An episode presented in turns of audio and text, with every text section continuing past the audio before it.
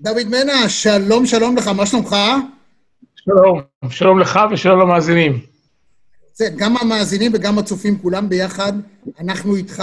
תשמע, בימים טרופים אלה, ואנחנו עכשיו, הרעיון הזה מתקיים באמצע חודש יולי, אה, שום דבר לא ברור, אף אחד לא יודע שום דבר, ואני אמרתי לעצמי, אני אדבר עם אדם שהוא עורך דין צמרת, מישהו שיש לו עכשיו תיק מדהים בנושא רלוונטי כמו איכוני שב"כ, אבל גם עם ניסיון, חבר כנסת, ליכודניק, איש שעמד בראש שירות התעסוקה, ואיתו אפשר לעשות שיחה בעצם על מה היה, מה הווה ומה יהיה. מה דעתך?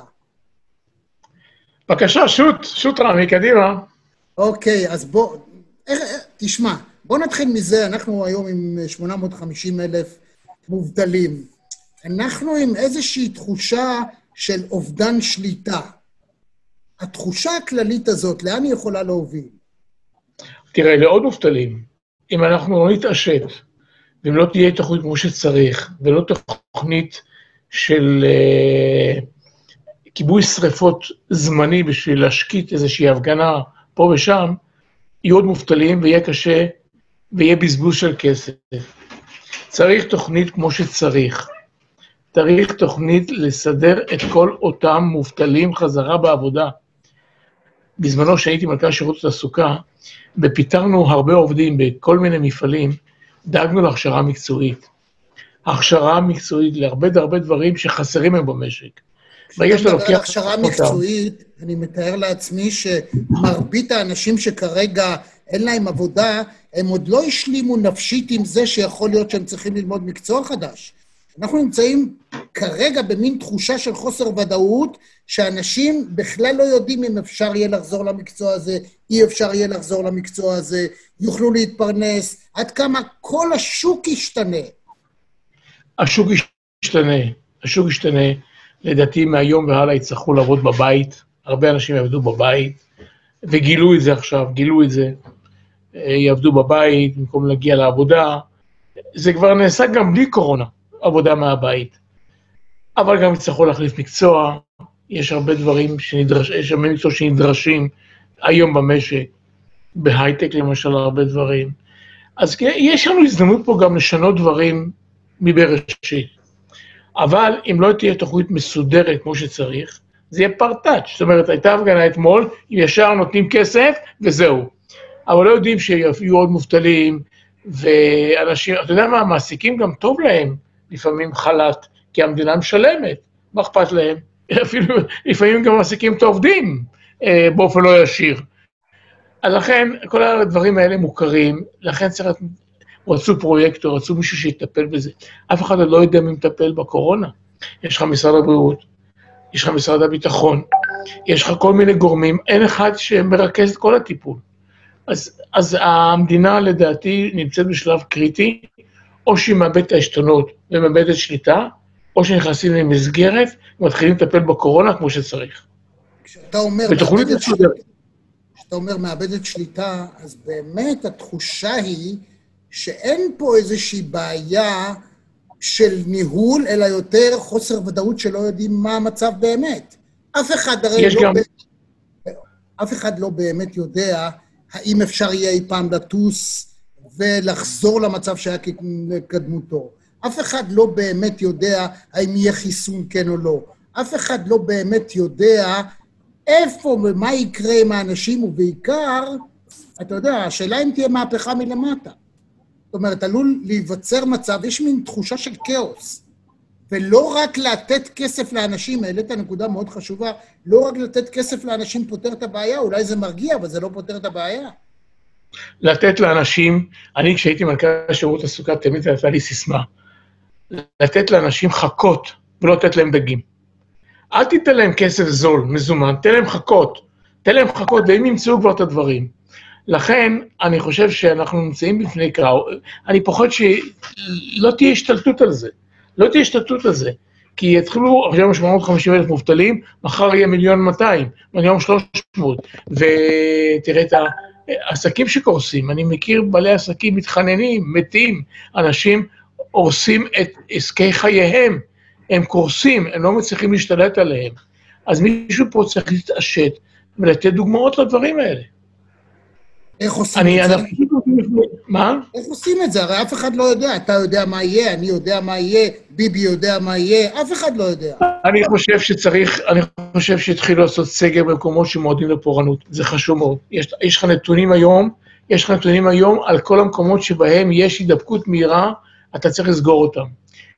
אתה יודע, בפברואר הייתה קבוצה של דרום קוריאנים, תחילת פברואר, שהקורונה עוד לא התפשטה בארץ, הייתה קבוצה של דרום קוריאנים, תיירים בארץ. היו להם תסמינים של קורונה. עזבו את הארץ, הדביקו, ושחזרו את כל המסלול שלהם. אז באותו רגע, באותו רגע שהדרום קוריאנים בפברואר היו צריכים להטיל סגר על בתי אבות. אתה יודע, היה לנו שבוע שעבר שיחה בין uh, מנהלי בתי אבות, שהייתה שם אפס קורונה. יש, יש מגדלי הים התיכון למשל, הייתה אפס mm. קורונה. לא היה שום קורונה. אבל מצד שני, במשען, במקומות אחרים היו, במשען באר שבע מתו 14, ביוקרב יבניאל מתו 20. למה שהיה שם? אז אמרו לי דבר, בין הדברים היותר אמרו לי, שפיתחו נוהל של כניסה.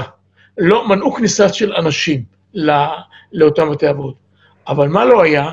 לא היה נוהל של יציאה. זאת אומרת, כל אחד יצא מתי שהוא רוצה, וחזר מתי שהוא רוצה, ולכן אנשי, צו... אנשי צוות הדביקו הרבה הרבה אנשים בבתי אבות. למשל, מה עשו באחד מבתי אבות של מגדלי ים התיכון, למשל? הם אמרו, אה, הרבה, הרבה, הרבה זקנים סיעודיים נמצאים, יש להם מטפלת זרה.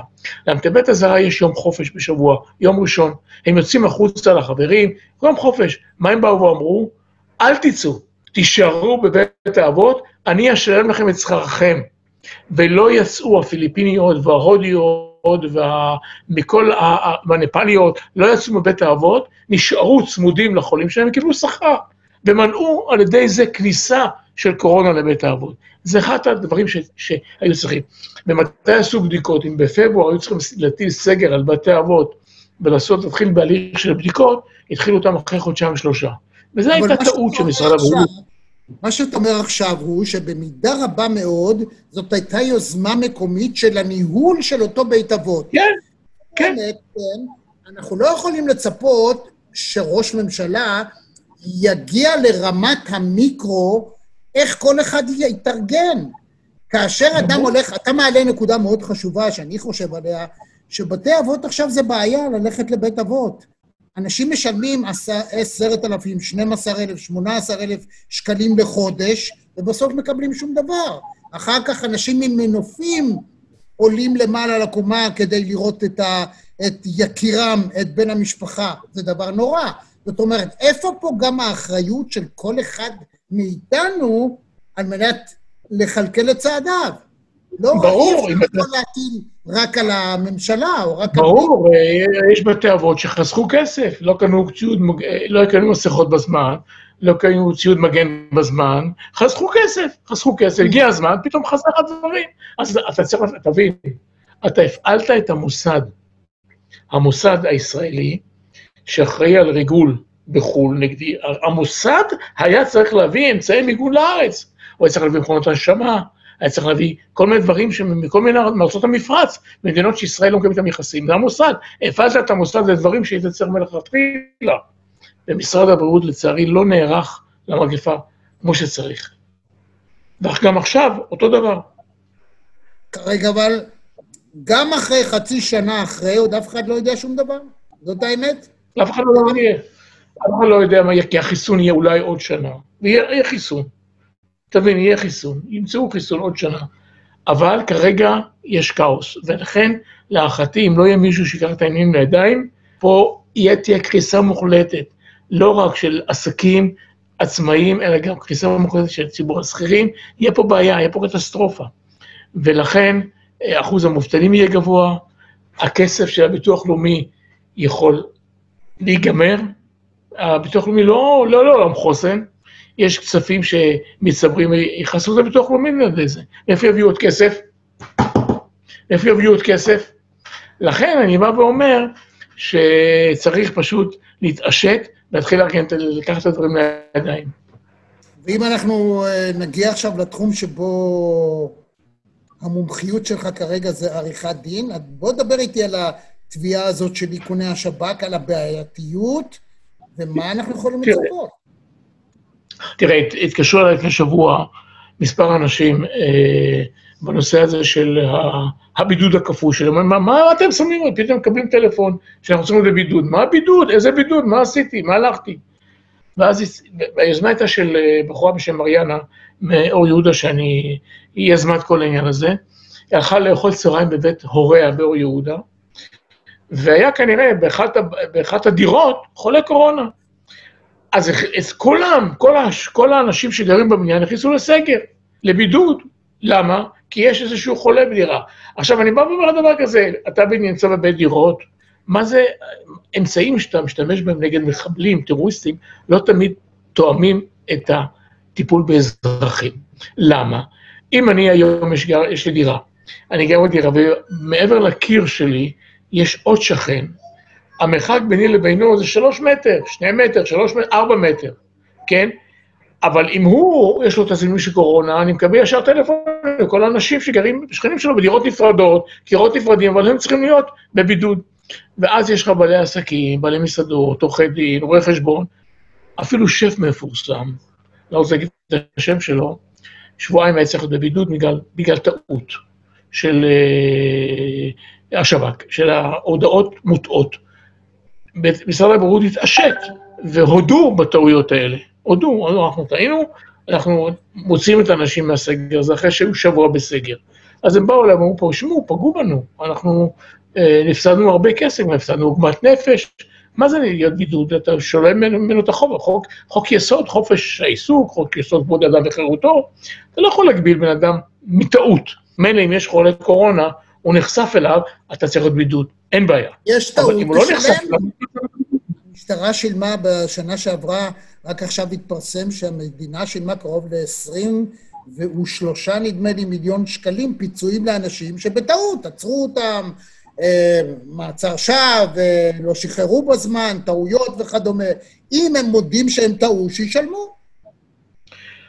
הם טעו וישלמו, התביעה שלנו, הם ישלמו, ישלמו כמו שצריך. אני, אנחנו טבענו הרבה הרבה גורמים. אנחנו, אנחנו לא משאירים איזשהו גוף ציבורי שעושה עוול שלא תובעים אותו. אנחנו לא מוותרים, אנחנו לא מוותרים, אנחנו מייצגים את הנשים שלנו, עכשיו גמרנו תביעה ייצוגית נגד בז"ן. בז"ן הזניחו איזה משהו, נשרף איזשהו מכל דלק, סגרו את כל הקריות לפני שלוש שנים. הגשנו תביעה ייצוגית וגמרנו פיצוי, גם אנשים קיבלו פיצוי. אנחנו לא מוותרים, אנחנו הולכים נגד כל מי שמעוול. ולכן מי שעושה, צריך, שמע, אנחנו מדינה חפיפניקית, אפשר, אתה יודע, רבי בזמנו דיבר הרבה הרבה על אה, מדינת הסמוך. אנחנו מדינה שלא נכנסת הרבה, ל... אנחנו אמנם מקום מרכזי ב-OECD, אבל אנחנו מתדרדרים מיום ליום בכל המדדים, בכל העולם. לכן אנחנו משרד שלא מוותרים, מגישים תביעות, מי שעושה טעויות משלם, ולטובת זה הלקוחות שלנו. תגיד לי, אתה ליכודניק, היית חבר כנסת בשתי כנסות, אתה מכיר את ביבי, מה עובר עליו בימים אלה לפי דעתך? אני חושב שהוא מודאג. אני חושב שהוא רואה שהוא שחרר יותר מדי מוקדם את המושכות במשק, ואנשים מתחילים להרגיש לא טוב, ולפעמים נראה לי שהפג תוקפו של ה... של... פג תוקפם של הקסמים שהיו לו. אני בטוח שיש לו רצון טוב, אני בטוח שיש לו הרבה מהלכים, אבל נראה לי שהוא מוקדם מדי שחרר, משום שהיה לחץ גם לשחרר. אבל היום, אני, אני מקווה שלא מאבדים לא מאבדים את העשתונות, אני חושב שפה צריך להיכנס למשטר חזרה, חזק, ולהטיל משמעת, ולהטיל, אני לא, לא רוצה להגיד לך להטיל סגר. היום כבר לא, לא צריך, לא, גם משרד הבריאות קיצר את ימי הבידוד. אבל uh, להתחיל להטיל סגרים בדיוק איפה שצריך, יש לך נתונים מלאים, פנטסטיים, על כל מה שקורה במדינה, תטיל סגר על שכונות, תטיל סגר על, על, על ערים, אל תיתן לזה להתפשט, תעצור את זה, ואתה יכול לעצור את זה. לא אחת אני רואה שאתה, לפעמים יש לך ביקורת על ביבי, ודווקא אני כליכודניק מעניין אותי מאוד איך אתה רואה מהצד. אגב, זו תופעה מאוד בולטת, שבכירי הליכוד של פעם מסתכלים על הליכוד של היום, מסתכלים על ביבי של היום, ואומרים, לא, לא, זה לא הליכוד שהכרנו, זה לא ביבי שהכרנו, ומשהו פה התערער. איך אתה רואה את זה? דווקא היום דיברתי עם אה, יוסי אחימאיר, חבר הכנסת לשעבר, גם יחד איתי, ואנחנו סיכמנו לעשות זימון, פגישה של כל הח"כים לשעבר, במפגש, ולהתחיל אה, להחזיר את הליכוד לדרך הטובה שלו. יש לי את ייבוש לא מוחלטת, אנחנו נעשה את הדבר הזה, אנחנו לא ניתן לדברים להידרדר, אנחנו נחזיר את הליכוד להיות תנועה לאומית ליברלית. תנועה לאומית ליברלית עם ערכים, ולא פרטאץ', ומה שקורה היום, כל, כל, כל, זה פשוט, כל אחד עושה מה שהוא רוצה ב, בליכוד, שולטים לשלטון הלאומי שרים. זה לא ילך ככה, לא ילך ככה. היום יש בחירות לליכוד העולמי. אני מצפה, ראש הממשלה יתערב, בחר במישהו. למה? מה צריך את זה? למה לבחור במישהו? תן להם לבחור, תן לאנשים, למה לך לעורר אנטגוניזם של שישה מועמדים נגד המועמד שבחרת? זה לא חשוב כרגע מי המועמד, אבל למה אתה מנוקט עמדה? אתה ראש ממשלה, תשמור על ממלכתיות, חבל. חבל, ולדעתי, הוא נתון בשביים של כל מיני גורמים, שאני מקווה שהוא יתעשת ויחזור חזרה למסלול. זה שבי מרצון, אתה אומר בשוויין, זה שבי מרצון, או שבעצם אה, מתאים לו המצב? אין לו ברירה, אין לו ברירה, אין לו ברירה, אין לו, אין לו אנשים ש... שיגידו לו את האמת לידו. אין לו את האנשים, mm. את האיפכא מסתברא, אתה יודע, איפכא מסתברא, לפעמים אנשים בצמרת בונים אחד שיהיה איפכא מסתברא, שתמיד יגיד להם את הדברים הפוכים. אין לו את הדברים האלה. יש לו את הלכרחית מנחה, אנשים שנדפים אותו, אבל אין מישהו שיגיד לו את האמת, אפילו שלא נעימה. ולפעמים צריך את האנשים האלה, הם אנשים טובים האנשים האלה שמבקרים, וחבל שזה ככה. כן, יש... הנה, ישראל כץ, ישראל כץ, אני מריח, אתה יודע, אני, אני מריח שהוא מתחיל לזמון, לז... משהו עם ישראל כץ. פתאום אתה רואה את ניר ברקת יוצא נגד ישראל כץ, ניר ברקת גם מכוון מלמעלה. אתה רואה דינמיקה של... Uh, שר אוצר לא יכול להצליח בגיבוש ראש ממשלה. הוא לא יכול להצליח בגיבוש ראש ממשלה. זה קורה, אגב, אצל ביבי, הוא תמיד, האנשים שהוא מקדם אותם, נותן להם את הג'ובים המפתים. בדרך כלל הוא שם אנשים, מה שנקרא על פי העיקרון הפיטרי, בדרג חוסר הכישרון. דהיינו, אתה שם אדם, מעלה אותו בדרגה עד לתפקיד שבו הוא לא כל כך מוכשר לבצע אותו, ואז ביום שהוא רוצה הוא מוחק אותו. ארוכה מאוד הרשימה של אלה שהיו והתאדו ברור, חבל שזה ככה. וחבל שזה ככה, כי אני רואה דינמיקה של אה, איזשהו, אה, איזושהי ירידה במעמד של ישראל כץ. אני מרגיש את זה, אני, מראה, אני רואה את זה.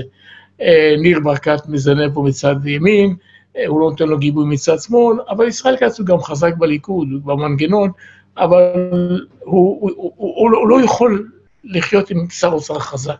לא, אי אפשר, לא יכול להיות מישהו חזק.